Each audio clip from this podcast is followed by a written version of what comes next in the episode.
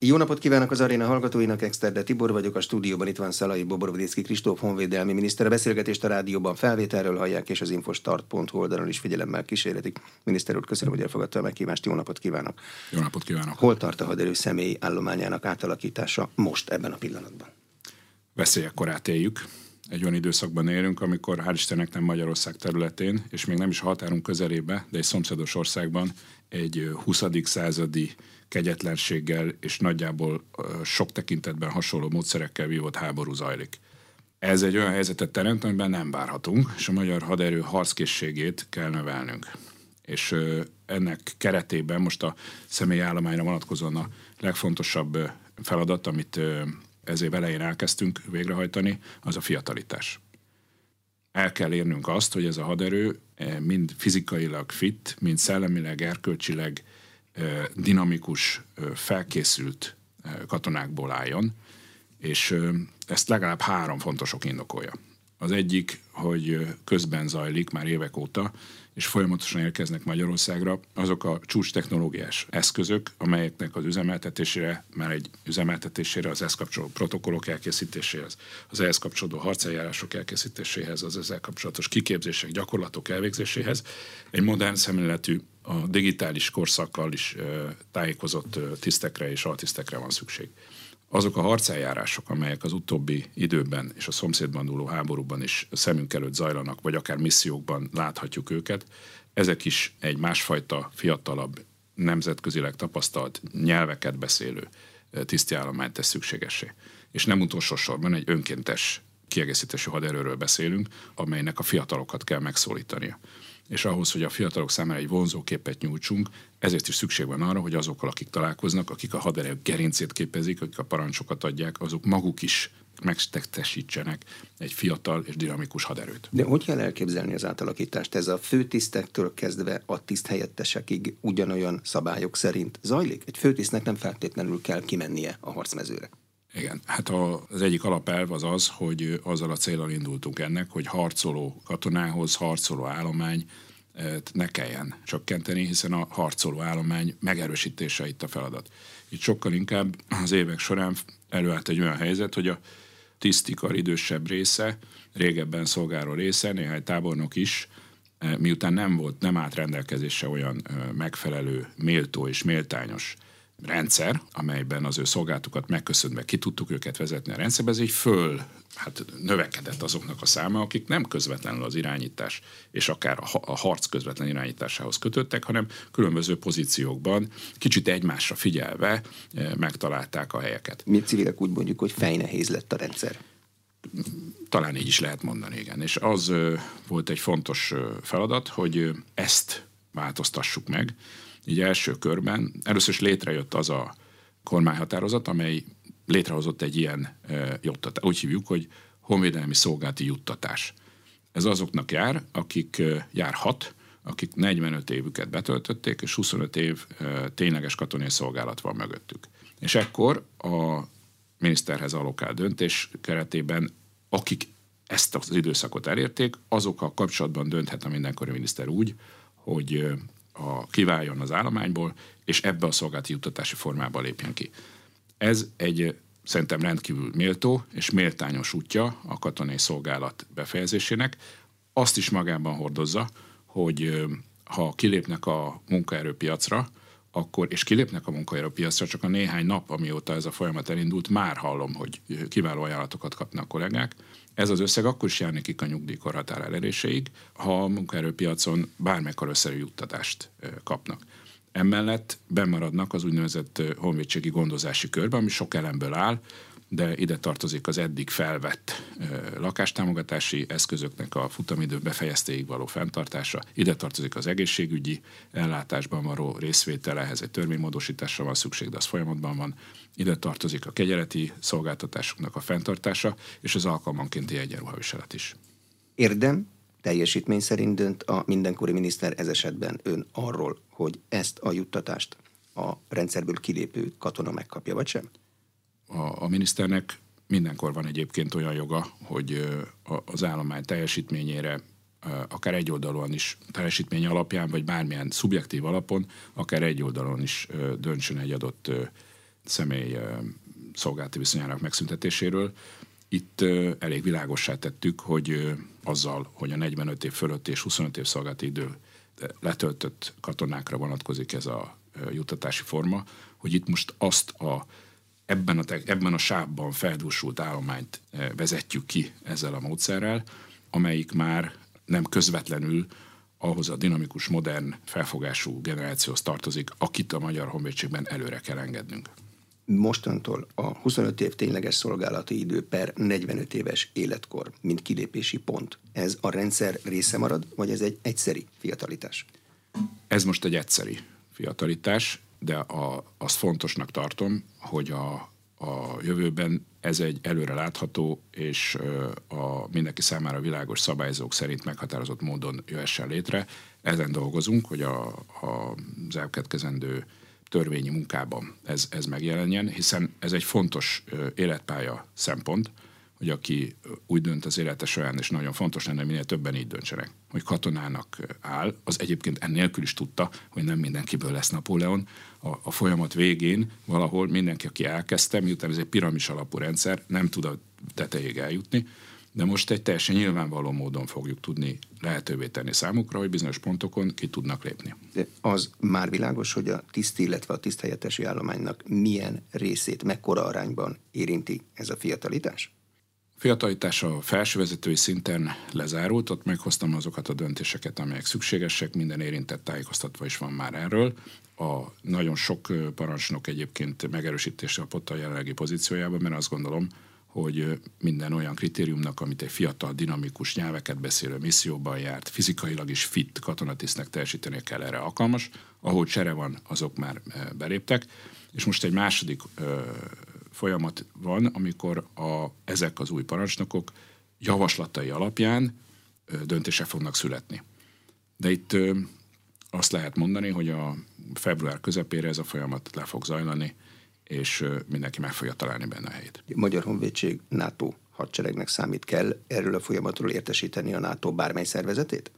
Ez arányaiban is egy egy kicsi változás. Tehát itt, itt azért nem olyan mértékű változásról beszélünk, hogy ez a magyar haderő NATO szempontból való alkalmazhatóságát bármilyen tekintetben érezni, vagy érinteni, magyar, sőt, azt javítja, hiszen a harckészség növelése végső soron a célunk vele. Magyarország a NATO-nak elkötelezett és megbecsült tagja.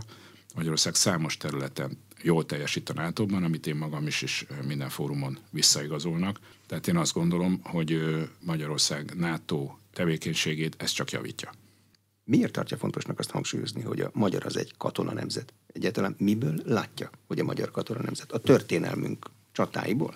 Hát igen, én azt gondolom, hogy ha visszatekintünk arra az ezer évre, csak amit a Kárpát-medencében töltöttünk, a magyar történelem, hogy azt az iskolában is tanuljuk, tulajdonképpen folyamatos csaták és háborúk láncolatával írható le. Generációról generációra szembesülnünk kellett azzal, hogy rajtunk kívül senki más nem fog minket megvédeni, a saját biztonságunk a saját kezünkben van. Ismerjük a középkor harcait, ismerjük a nagy függetlenség és szabadságharcainkat, ismerjük 48 történetét, hiszen ebben az évben lesz 175 éves, ami közvetlen jogolödünk a Magyar Honvédség, amely egyébként egy nagyon fiatal haderő volt, és, és teljesen spontán jött létre, és sorolhatnám a 20. század nagy kataklizmáit, de akár 56-ot is, amikor a magyar nemzetnek fegyvert kellett fognia. És ezt az utóbbi 40-50 évben különböző okokból elfelejtettük, háttérbe soroltuk, és kevésbé tartottuk fontosnak, de ettől még tény. És azért tartom ezt fontosnak hangsúlyozni, hiszen most sem változott a helyzet alapvetően. Saját magunk biztonsága a saját kezünkben van. Érdemes észrevennünk, hogy ez egy időláncolat, és érdemes észrevennünk, hogy ha mi nem teszünk magunkat alkalmassá arra, hogy legalábbis elegendő elrettentő erőt mutassunk kifelé, ahhoz, hogy senkinek soha eszébe se jusson az, hogy Magyarország felé forduljon, akkor azt helyettünk nem fogja elvégezni más. A NATO természetesen aminek, mint mondottam, elkötelezett és megbecsült tagjai vagyunk, egy biztonsági garanciát ad mellé. De a NATO is nemzeti haderők fölajánlásából létező egység, ami egy védelmi egység ráadásul természetesen, de ha nincsenek erős, magabiztos, jól felfegyverzett és kiképzett és magas harcimulára rendelkező csapatai, akkor a NATO sem ér sokat. Tehát nekünk el kell végeznünk a házi feladatunkat, így megvehetjük a világ összes harckocsiját, drónját, ágyúját és egyéb eszközét. Hogyha a magyar fiatal nem elkötelezetten és bátran áll ezek mellé és mögé, és nem kész a hazája védelmére lelkileg, amit sokkal mindennel eh, elő tudunk segíteni. Az egyik az, hogyha felfedezi, hogy egy hosszú történelmi láncnak a része, akkor nem ér semmit ezek az eszközbeszerzések. Tehát én ezért hangsúlyozom, hogy a magyar katona nemzet, mert eddig is, és most is a saját védelmünk a saját kezünkben van. De a magyar civil lakosság honvédséghez való hozzáállásán látszik, hogy a magyar egy katona nemzet? Hát nézze, ugye az elmúlt 40-50 évben sok minden változott.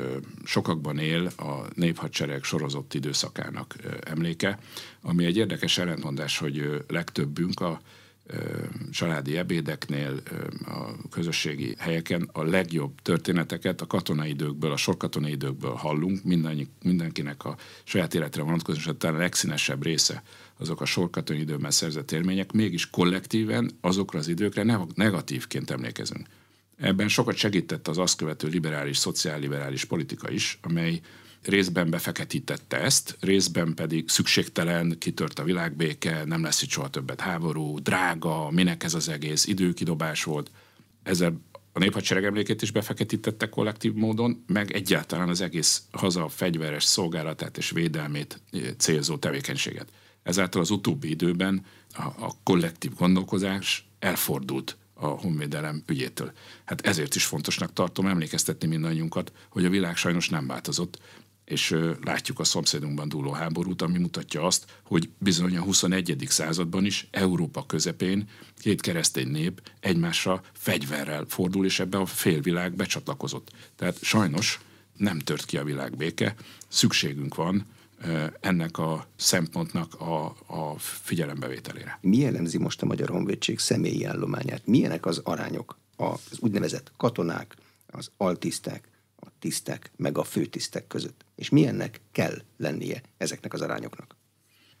Hát egy modern, technológiailag jól felszerelt, jól kiképzett haderő az alapvetően az nagyon sokat változott egyébként az utóbbi időszakban, hiszen ahogy korábban is utaltam rá, a mai modern eszközök egyre inkább digitális alapon magas csúcs technológiát képviselő eszközök. Tehát nyilvánvalóan, hogy haladunk időbe, megnő azoknak az aránya, akik ilyen jellegű képzettséggel, háttérrel, nyelvismerettel rendelkeznek egy, egy tiszti állományon belül. Természetesen a legfontosabb az a harcoló alakulatok, szerződéses, hivatásos, tartalékos formában, ez most mindegy, de a harcoló alakulatok száma legyen minél nagyobb, és az arra ráépülő vezetői rétegek pedig a leg, lehető legszükségesebbek számban, és így arányaiban el kell oda jutnunk, hogy e, nyilván az irányított katona legyen a legtöbb, az altiszti tiszti réteg pedig piramisszerűen csökken. Ezért kell jó kiválasztott, az adott vezetői posztokra legalkalmasabb, fiatal vezetőket megtalálnunk. Mennyi tartalékosa van ma a Magyar Honvédségnek, amelyik behívható állapotban vannak, kiképzett állapotban vannak egyáltalán ezzel a kontingenssel számolnak-e? Én nagy elkötelezett híve vagyok a tartalékos ügynek. Én magam is tartalékosnak jelentkeztem, és katonai szolgálatomat több éven keresztül ebben a formában teljesítettem. Ezért volt alkalmam belülről is megismerni ezt egyébként folyamatosan változó rendszert. Itt arra a szempontra is érdemes figyelni, hogy a hivatásos és a tartalékos között van, van különbség. A hivatásos katona az életmód és ö, ö, megélhetési útként tekint a katona hivatása, és számára más szempontok fontosak. Nagyon fontos, hogy egy professzionális és ilyen elkötelezett professzionális haderőnk legyen. Számukra az illetmény, az életpálya, a képzés, az egészségügyi ellátás, és számos ilyen szempont a legfontosabb talán. Egy tartalékosnál ő az életének egy részét, ha úgy tetszik, a szabad idejét fordítja erre, és nála más szempontok fontosak, hogy miért jön be. Nála jelentős a közösséghez tartozás vágya és élménye. A hazaszeretethez való viszonya. Őt az mozgatja alapvetően. Tehát nagyon nagy érték, és, és tartalék is van egyébként a tartalékosokban. Magyarországon felállt egy területvédelmi ezredekből álló tartalékos rendszer, ez egy kiváló rendszer, ami lefedi az ország egész területét. Ennek a fejlesztése és építése nagyon fontos. Hiszen tartalékos az egyfelől lehet a hivatásos állomány mögött egy második vonalban lévő tartalékos, de lehet, és ez létezik Magyarországon, úgynevezett területvédelmi tartalékos, amely, amelyik pedig a hivatásos állomány mellett azzal párhuzamosan lokálisan, tehát helyi szinten épül. Helyi a kiképzése, eh, helyi a szolgálat teljesítése, és annak az adott régiónak a védelmé van rábízva. Idén januártól alakult meg hét területvédelmi ezred, és ezek kettő már korábban is volt, ezek feltöltöttek, és a most következő hónapoknak az lesz a feladata, hogy a hét területvédelmi ezred teljességében feltöltése kerüljön, ilyen helyileg behívott katonákkal. De képes lesz a Magyar Honvédség arra, hogy ezeket a területvédelmi alakulatokat mozgásban tartsa, hogy ne rozsdásodjanak be? Tehát ez egy rendszeres feladatellátásra vannak kijelölve? Mert ha nem, akkor annak nem sok értelme látszik. Persze, ez, ez egy hogy mondjam, szakmai kérdés, erre megvannak a, a kiválóan felkészült hivatásos és tartalékos tisztek, akik ennek a módját ismerik, hogy hogyan kell a felállított keretekre támaszkodva a kiképzések rendszerével, majd pedig a rendszeres emlékeztető, tehát az alapkiképzés, majd pedig a rendszeres kiképzések folyamatával ezt az állományt folyamatosan harcképes morálisan is és fizikailag is harcképes állapotban tartani. Hol tart most az úgynevezett digitális katonaprogram? Ezt 2021. februárjában Böröndi Altábornagy már tesztíző időszakra jelentett, és ennek az a lényeg, hogy a katona egyenruhájától kezdve minden digitális rendszerbe van integrálva, és a Lynx harcjármű ennek a gyakorlat alatt álló szerver központja.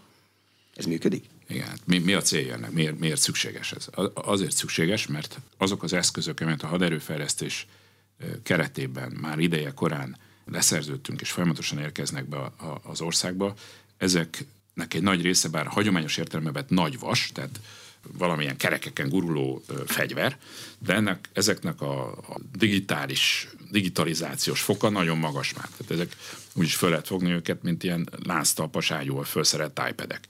És a katona, amely ezeket az eszközöket üzemelteti, használja, amelyeken a harcba megy, vagy amelyek felhasználásával harcot vezet, ő maga is az egyéni felszerelésen keresztül is becsatlakozik ebbe a digitális világba. És az irányító rádiók, egyéb szenzorok. És az irányító parancsnokok is ezekkel az eszközökkel modern, titkosított digitális módon kell, hogy kommunikáljanak. Ez szükségesé tesz egy olyan ökoszisztémát, amit meg kell teremtenünk. Eznek a megteremtése folyamatos, folyamatban van természetesen, de létre kell jönnie egy modern 21. századi képességnek, ami ezeket az eszközöket a digitalizáció korában egymással összehangolja. Ezeknek a központja itt lesz Magyarországon? Mert NATO hadsereg vagyunk, lehet akár valamelyik NATO központban is. Hogy képzelik? Csak itt lehet, ez a magyar nemzeti haderő elem érdeke, hogy a saját vezetési rendszerünk és minden, amit a digitalizáció lefed, az egyéni katona, annak a harceszköze, az irányítási pontok, ezek magyar kézben legyenek, és magyar infrastruktúrá is épüljenek a magyar kódokkal. Természetesen együttműködünk a NATO parancsnokságokkal, de ahogy korábban is mondtam, a nemzeti haderőre támaszkodva. De mi a lényege a Magyar Honvédség vezetési struktúrá átalakításának? Itt vezérkar, vezérkar, a szemlélőségek, parancsnokságok lettek, a miniszterelnök mellett létrejött egy katonai iroda. Mi ennek a rendszere most? Itt is a fő cél az a harcképesség és a hadrafoghatóság növelése administratív értelemben is a támogató háttér intézményekből, illetve a harcoló alakulatoknál is az ilyen jellegű státuszok, beosztásoknak a harcolók irányába való átcsoportosítása, illetve az egyes parancsnoki szintek beosztásainak csökkentése, ez volt az alapvető kiindulási szándék a haderő átszervezésével kapcsolatban, ami folyamatosan zajlik, a fiatalítás erre még rá, rá segít. És ez számos változtatás hozott. Az egyik például, hogy a korábbi szemlélőségeknek nevezett parancsnoki szintek, most már parancsnokságok, hiszen egyértelművé kellett tennünk, és a katonai, magyar katonai hagyományokhoz is jobban illeszkedik ez a kifejezés, hogy itt egy parancs irányítási rendszer van. A vezérkar egy szintén a magyar katonai hagyományokban gyökerező, és a nemzetközi kapcsolatrendszerben világosan érthető kifejezés, ami utal arra, hogy ez a haderő vezetése a miniszterelnök katonai irodája az nem feltétlen közvetlen ehhez kapcsolódik, ez inkább ahhoz kapcsolódik, hogy a miniszterelnök a most novemberben hatályba lépett honvédelmi törvény alapján jogokat nyer, többletjogokat nyer a haderő irányítására bizonyos szituációkban, és kifejezett érdeklődéssel fordul a haderőfejlesztés kérdései felé.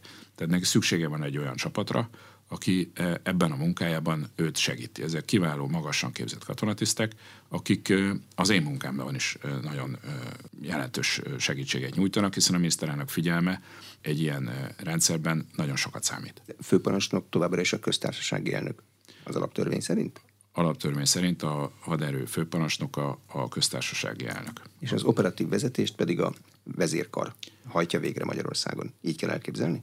A, ugye itt az irányít vezet e, kettősen működik, a polgári demokráciákban, ami Magyarország is, a haderő e, irányítása az civil kézben van. Ezt a kormány a honvédelmi miniszteren keresztül teszi. A haderő vezetése, az pedig most a vezérkarnak nevezzük azt az intézményt, aminek a vezetője a vezérkari főnök, a haderő vezetését pedig a vezérkari főnökön keresztül a, a vezérkar végzi el. Na már a hagyományoknál vagyunk, a csapattiszt meg a vezérkari tiszt megkülönböztetésnek lesz értelme? Mert a régi magyar katonai rendszerben volt. Igen, hosszú távon a, a Magyarország nak a, a vezérkari képzési rendszerét javítanunk kell. Itt magas minőségű képzéseink vannak, de kifejezetten vezérkari tisztképzés felé el kell mozdulnunk. A korábbi rendszerben a, a vezérkari az nem jó szó, hogy fegyver nem, de egy külön megkülönböztető jelekkel is rendelkező katonatiszt volt. Itt most a vezérkari tisztet azt a vezérkari funkcióban, beosztásban szolgáló magasrangú, jó képzett tisztre értjük a haderő fejlesztéssel foglalkozó állami szervezeteknek most mi a rendszere? Talán néhány szó a védelemiparról, hiszen a haderő fejlesztése az nagyon erősen kötődik ehhez, és nagyon fontosnak érzem azt hangsúlyozni, hogy mi a célunk ezzel. A, a védelemipar adja minden ország haderőfejlesztésének a gerincét, azt a biztos pillért támaszt, ami alapján a honvédségben vagy a haderőben használandó eszközöket ahonnan be tudjuk szerezni, illetve a folyamatos alkatrészellátás karbantartásához bázist nyújt. Azt is biztosítja, hogy bármilyen vészhelyzet esetén legyen az akár egy, egy, egy pandémia, amit ugye láttunk mostanában sajnos az egész világon, amikor a különböző ellátási láncok lelassulnak, akkor nem tehetjük ki magunkat annak a bizonytalanságnak, hogy majd vajon megérkezik-e Magyarországra valami, vagy nem. Ez persze soha nem lesz tökéletesen úgy, hogy mindent itthon gyártunk, és minden itt keletkezik, hanem ez egy kombinációja az itthon gyártott és külföldről beszerzett eszközöknek. De törekednünk kell arra, hogy minél nagyobb arányban eh, Magyarországon történjenek a, azoknak az eszközöknek eh, és utánpótlás, alkatrész, lőszer és egyébnek a gyártása, ami a haderő és a magyar emberek biztonsága szempontjából fontos.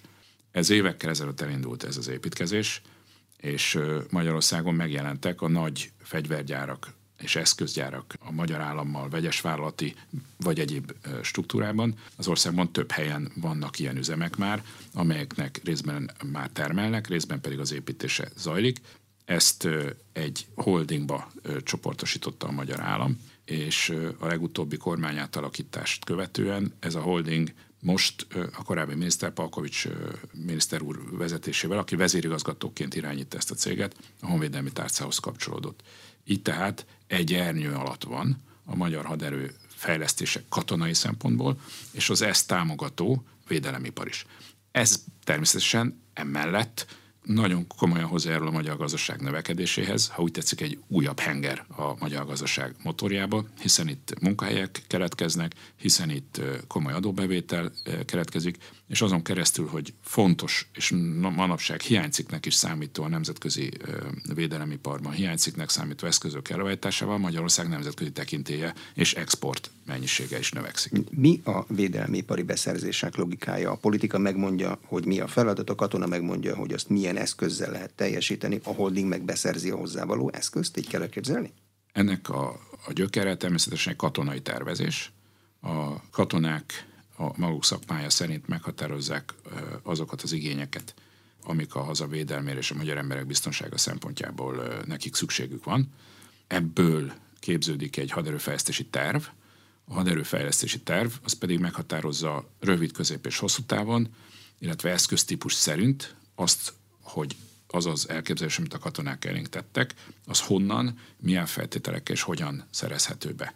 És akkor ennek van, megvannak a megfelelő minisztériumon belüli szervei, amik aztán ezt a ezeket a beszerzéseket a különböző ide vonatkozó hatályos Európai Uniós és hazai jogszabályok és közbeszerzési eljárások szerint lefolytatja. Mekkora a magyar haderő költségvetése? Ezt GDP arányosan szokták a bűvös 2%-hoz mérni. A miénk mennyi? Igen, ebben az évben elérjük a 2%-ot, vagy annak nagyon közelébe leszünk, ez most egy technikai kérdés. Ha nagyobb lesz a GDP, mint amennyit eredetileg terveztünk, akkor annak közelébe leszünk, de mindenképpen korszakhatár, és nagyon fontos lépés, hogy Magyarország, miután nagyon messziről indultunk, egy évtizeddel ezelőtt ez kevesebb volt, mint egy 0,7 körül volt ez a szám. Most fölértünk oda, hogy, hogy ez már a, a bűvös 2%-ot közelíti. Ez a NATO ajánlás, ezen belül ennek a 2%-nak 20%-át támogatja a NATO, hogy eszközbeszerzésre fordítódjon, ami egy folyamatos megújulás és fejlesztést tesz lehetővé. Ezt Magyarország bizonyos években, amikor nagy eszközbeszerzési évek vannak, akkor ezt meg messze túl is haladja. De a két százalék az egy, ide mostantól megérkeztünk, ez egy, ez egy padló, ennél lejjebb nem tudom elképzelni, hogy a következő évek biztonsági körülményei között egy nemzeti költségvetés mehetne, ennél csak följebb tud menni, és bizony benne, hogy fog is, mert ha hamar el akarjuk élni azt a biztonság szintet, ami a jelenlegi veszélyek korszakában szükséges, akkor arra költeni kell. Mi fogja megmutatni a megfelelő biztonsági szintet, ami más nyilván békeidőben, mint egy szomszédban zajló háború idején? Mi lesz a mi megfelelő biztonsági szintünk? Hát ez is részben katona szakmai kérdés, hogy ez, ez jól leírható katonai nyelven, hogy egy olyan földrajzi adottságú, népességű és gazdasági teljesítőképességi ország, amilyen mi vagyunk, annak milyen haderőre van szüksége ahhoz, hogy az állampolgárai biztonságban aludjanak. Ennek a környékén vagyunk, de a mai modern, fejlődő, mindenbe a csúcs technológiát használó világban határa csillagos ég. Mindig lehet egyen jobb eszközünk. Az egyen jobb eszköz, azt most mihez kell mérni? A szomszédban dúló háborúban használt eszközökhöz? A NATO általános eszköz színvonalához? Mi az egyen jobb eszköz? Ezek szempontok.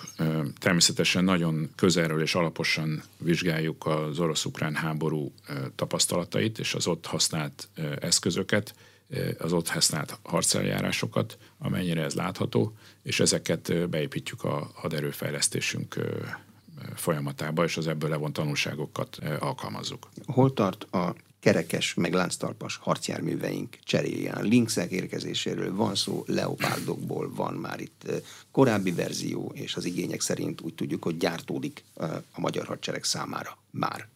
Igen, Magyarországon van 12 leopárd, ez egy német gyártmányú, nagyon modern harckocsi, ennek egy továbbfejlesztett változatából fog érkezni további 45 darab egyébként a következő években. Tehát a harckocsi képességünk az jelentős lesz, és ezzel is, mint ahogy majd a tüzérséget is mindjárt mondom, visszaépül egy a jelenlegi kormányzati ciklusunk elejére, tehát 2010-es évek elejére egy teljesen leépített képesség. Különböző okokból az előző kormányok, baloldali kormányok eladták, elkotyavetjelték, engedték elromlani és használaton kívül esni a teljes magyar harckocsi állományt és a teljes magyar tüzérséget. Bocsánat, mihez képest kell elégségesnek tekinteni a teljes magyar harckocsi állományt? A rendszerváltás idején valaki kinézett a tatai gyakorlótérről, ott állt legalább 80 T-72-es harckocsi. Ahhoz képest ez a 40 ez nem tűnik nagyon soknak, akkor rendkívül, se, hogyha ezek, más. Ezek nagyon modern eszközök egyrészt, másrészt pedig kiegészülnek a, például az ön által is említett linksekkel, magyarul hiúzzal, ami bár nem nevezük harckocsinak, inkább ilyen páncélozott harcjárműnek, de ezekből több száz érkezik. Ezek egy kicsit könnyebbek, egy kicsit kisebb rajta a fegyver, viszont mozgékonyabb, csapatszállításra is alkalmas, és megjelennek a PZH 2000-es önjáró lövegek, amelyek még civil nyelven szólva olyan nagy ágyuk, amit egy harckocsi szerű láztalpas eszköz juttat abba a pozícióba, ahova neki tüzelni, ahova neki tüzelni kell. Önjáró löveg. És ezek egysége adja e, egyébként pont a tatai e, dandára támaszkodva azt a nehéz dandárt, amely egyébként NATO vállalásunk is, és ennek az évtizednek a végére teljes egészében föl fog állni. Ez, ez bőven elegendő képesség ahhoz, hogy Magyarország e, nehéz fegyverzeti igényét és a NATO-nak tett felajánlásokat kielégítse. Még sok minden egy, egyébként eszközzel egészül ki, nem pusztán ezek, de ezek alkotják a gerincét. Milyen lesz a légi képessége? Az új magyar honvédségnek. Mi, mi kell ahhoz még, hogy legyen? Mennyi az elég? Magyarország elkötelezett a grippenek mellett az elmúlt években, és egy ilyen grippen flottát üzemeltetünk most már elég régóta kiváló gépek ezek, amelyek részt vesznek Magyarország légtérvédelme mellett egyébként számos NATO misszióba is úgynevezett légtérrendészeti feladatok végrehajtásában. Most már harmadszor voltunk a balti államokban négy hónapos időtartamban, amikor a egyébként háborúval vagy Oroszországgal közvetlenül szomszédos balti térség légterének rendészeti feladatait látták el a grippenek nagy megelégedése. Ezek a mai napig is csúcs technológiát képviselő és hazánk légterét biztosító eszközök érkeznek szállítórepülőgépeink, érkeznek sugárhajtású kiképzőgépek, illetve felderítőgépek, amelyek részben a vadász repülőgépeinkhez szükséges képzésben, részben pedig felderítő feladatokban fognak tudni részt venni. A kisebb Air, tehát a 145 Airbus gyártmányú helikoptereink már megérkeztek, és most a 225-ös nagyobb Airbusokat várjuk tehát itt is folyamatos a fejlődés. Ezek csapatszállító és logisztikai feladatokra való helikopterek? Ezek már a nagyobbak? Igen, a nagyobbak azok, azok ezek, és a kisebbek pedig szintén csapatszállítás. Ezek elég modulárisak, tehát számtalan feladat típusra használhatóak. Mi dönti el, hogy Magyarország kitől vásárol? Sok fegyvergyártó államban a környékünkön, itt vannak a németek, a franciák, de ott vannak az amerikaiak is. Mi dönti el, hogy kitől vásárolunk? Alapvetően katona szakmai szempontok, utaltam a, a tervezés folyamatára, azok nagyon fontos szempontok abban, hogy milyen eszközöket építünk be, melyek kompatibilisek a már meglévőekkel, de van egy olyan elhatározott politikai szándékunk is, hogy amennyiben ez lehetséges, akkor európai gyártók termékeire támaszkodjunk, mind a védelemipar Magyarországra hozatalában, mind pedig az eszközbeszerzéseinkben, hiszen Európában élünk, és Európa biztonsága az feltétlen szükségessége és elengedhetetlen vele járója Magyarország biztonságának is. Tehát évek óta igyekszünk a lehetséges eszközöket úgy nézni, hogy ha választási lehetőségünk van, akkor az európai gyártótól jöjjön. Az európai gyártó, mondjuk a német gyártó, akinek van itt már vállalata Magyarországon, a csehek, szintén európaiak, kézi fegyvergyártásban szintén van Magyarországon, tehát akinek van Magyarországon már gyártókapacitása, az stabil partnerünk marad? Igen, igen. Az Airbusnak van alkatrészgyára Gyulán, a Rheinmetall nevű német cégnek van már elindult a gyártás az Alegerszegi üzemében, és a csehek használják azt a kézifegyvergyárat, ami Kiskunfél egyházán működik. Tehát ezek, ezek nagyon fontos partnereink, de itt vannak a Gidrán névre keresztelt összkerék meghajtású páncélozott harcjárművünk, amelyek török gyártmányúak, és ezeknek a kiegészítő felszerelése az, az is Magyarországon zajlik, történetesen Kaposváron. A háborús helyzet kellett a Magyar Honvédség készültségi állapotán változtatni, amikor Lengyelországba, mint utóbb kiderült, eltévedt ukrán légvédelmi rakéta csapódott be. Elég nagy rémület volt, amikor a hír éjszaka kijött, hogy lengyel területre rakéta csapódott be. Igen, de akkor nagy szükség volt a, az azonnali higgadt és gyors kommunikációra a NATO államok között.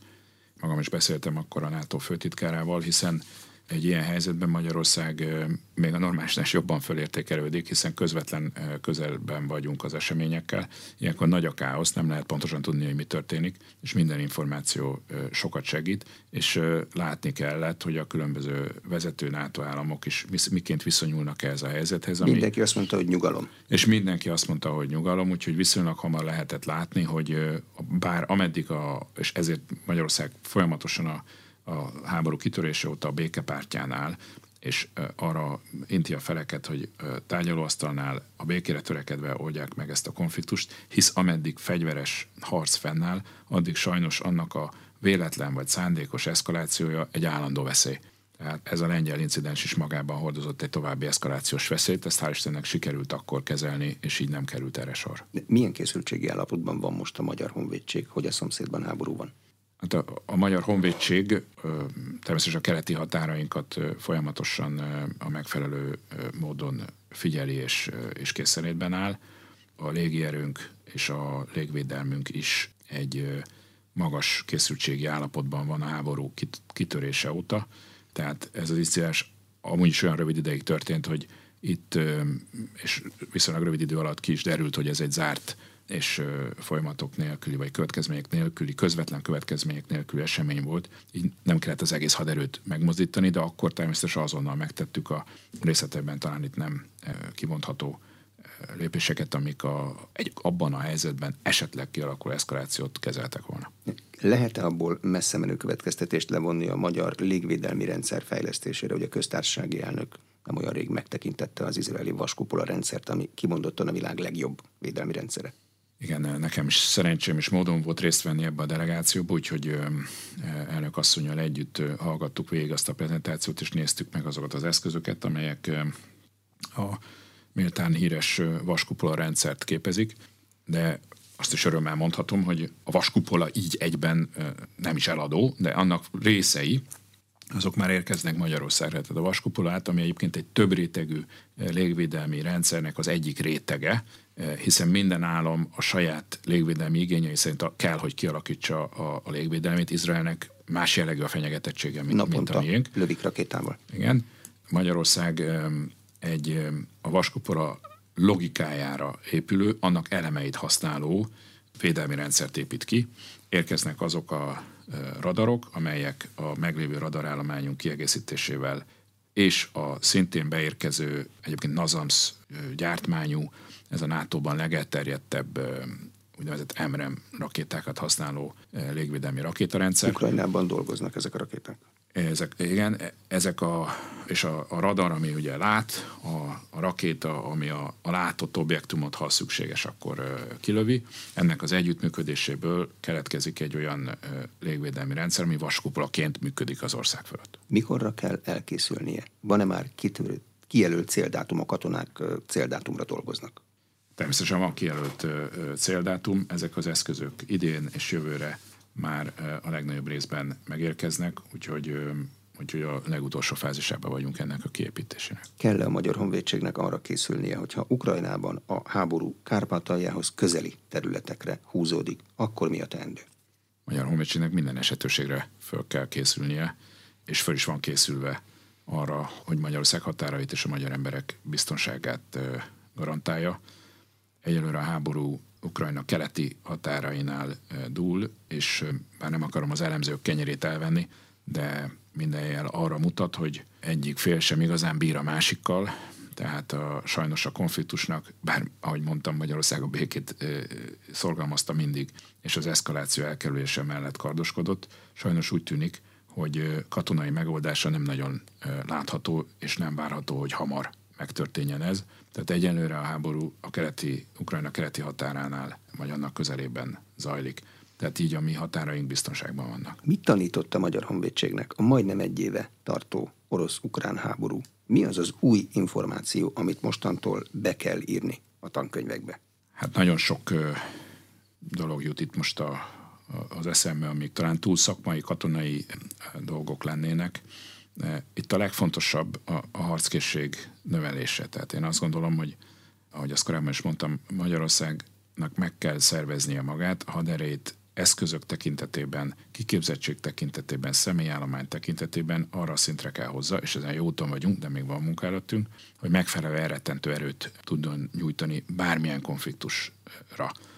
Erre vonatkozóan vannak tapasztalatok az orosz-ukrán háborúból, de nem pusztán onnan fenyegethetik Magyarország veszélyt, hiszen ne felejtsük el a déli határainkra egy folyamatosan egyre intenzívebben megjelenő nyomás van a bevándorló közönén érintően. Múlt héten eh, jártam Belgrádba a szerb védelmi miniszter kollégámmal, kicseréltük az ezzel, kapcsolatos tapasztalataikat, és ők is megerősítették, hogy nem pusztán a számuk növekszik az odaérkező tipikusan megélhetési bevándorlóknak, akiket embercsempészek visznek oda, hanem, hanem a szervezettségük is abban a tekintetben, hogy szinte katonai alakzatban és felkészülten időnként sajnos úgy tűnik az ember csempészek kezében fegyver is van, hiszen ezeket egymás ellen is használják. De ez csak egy szempont a Nyugat-Balkán stabilitása. Egy másik szempont, ami ami nem pusztán az orosz-ukrán háborúra kell, hogy a figyelő szemeinket tartsa vagy vesse, hiszen ott van Koszovó, egyre több hírt hallunk az ottani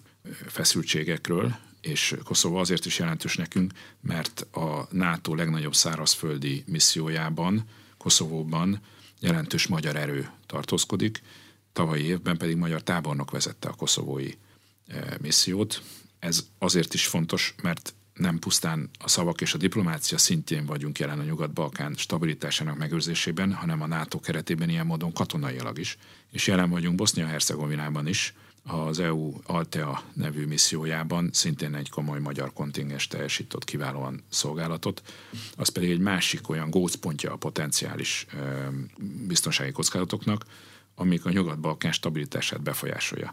Tehát sajnos nem véletlenül mondtam az elején, hogy a veszélyek korát éljük, néznünk kell, hogy mi történik a Nyugat-Balkánon, néznünk kell, hogy mi történik a keleti határainkon, és ez példátlan az elmúlt évtizedekben, hogy egyszerre és ilyen közel van két olyan potenciális konfliktus, és az orosz-ukrán háború nem potenciális konfliktus, létező háború, menekültekkel és rettenetes képeket látunk nap mint nap, ami itt történik. Tehát harcképesség, elrettentő erő. Ezek a tanulságok, amiket levonunk ebből. Svéd és a finn NATO csatlakozást a magyar parlament ratifikálja most, miután a legfrissebb hírek szerint a törökök valószínűleg biztosan nem, mert ott napról napra romlik a viszony. Ebben a kérdésben is az álláspontunk ö, teljesen világos volt. Magyarország ö, örömmel fogadta Svédország és Finnország nem csak örömmel fogadta, hanem aktívan támogatta ezeknek az országoknak a meghívását a NATO-ba, hiszen ez meghívás alapján történik.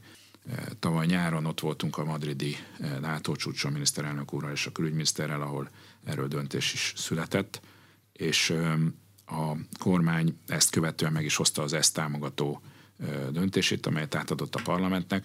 A parlament, eh, ahogy azt a különböző politikai csatározásokból az Európai Unióval láthattuk is, sajnos eléggé elfoglalt volt azzal, hogy a rendre változó és egyre nagyobb méreteket töltő Európai, igényes, Európai Uniós igényeknek megfeleljen. Jó, de ez egy szavazási aktus. Így a, a, erre a szavazásra nem került sor, de megmondtuk még, de a miniszterelnök különböző partnereinek is egyértelművé tette, hogy a most induló parlamenti ciklusban erre sor fog kerülni, és azt is világosá tettük mindenkinek, a NATO vezetésének is, hogy biztosan nem Magyarország lesz az utolsó aki ezt a ratifikációt elvégzi, biztosan nem kell egyik nemzetnek se Magyarországra várni. És ezt látjuk is, hogy ez így van. Köszönöm a tájékoztatást. Az elmúlt egy órában Szalai Bobrovnicki Kristóf honvédelmi miniszter volt az aréna vendége. A műsor elkészítésében Módos Márton főszerkesztő vett részt. A beszélgetést a rádióban most felvételről hallották, és az infostart.hu oldalon is figyelemmel kíséretik.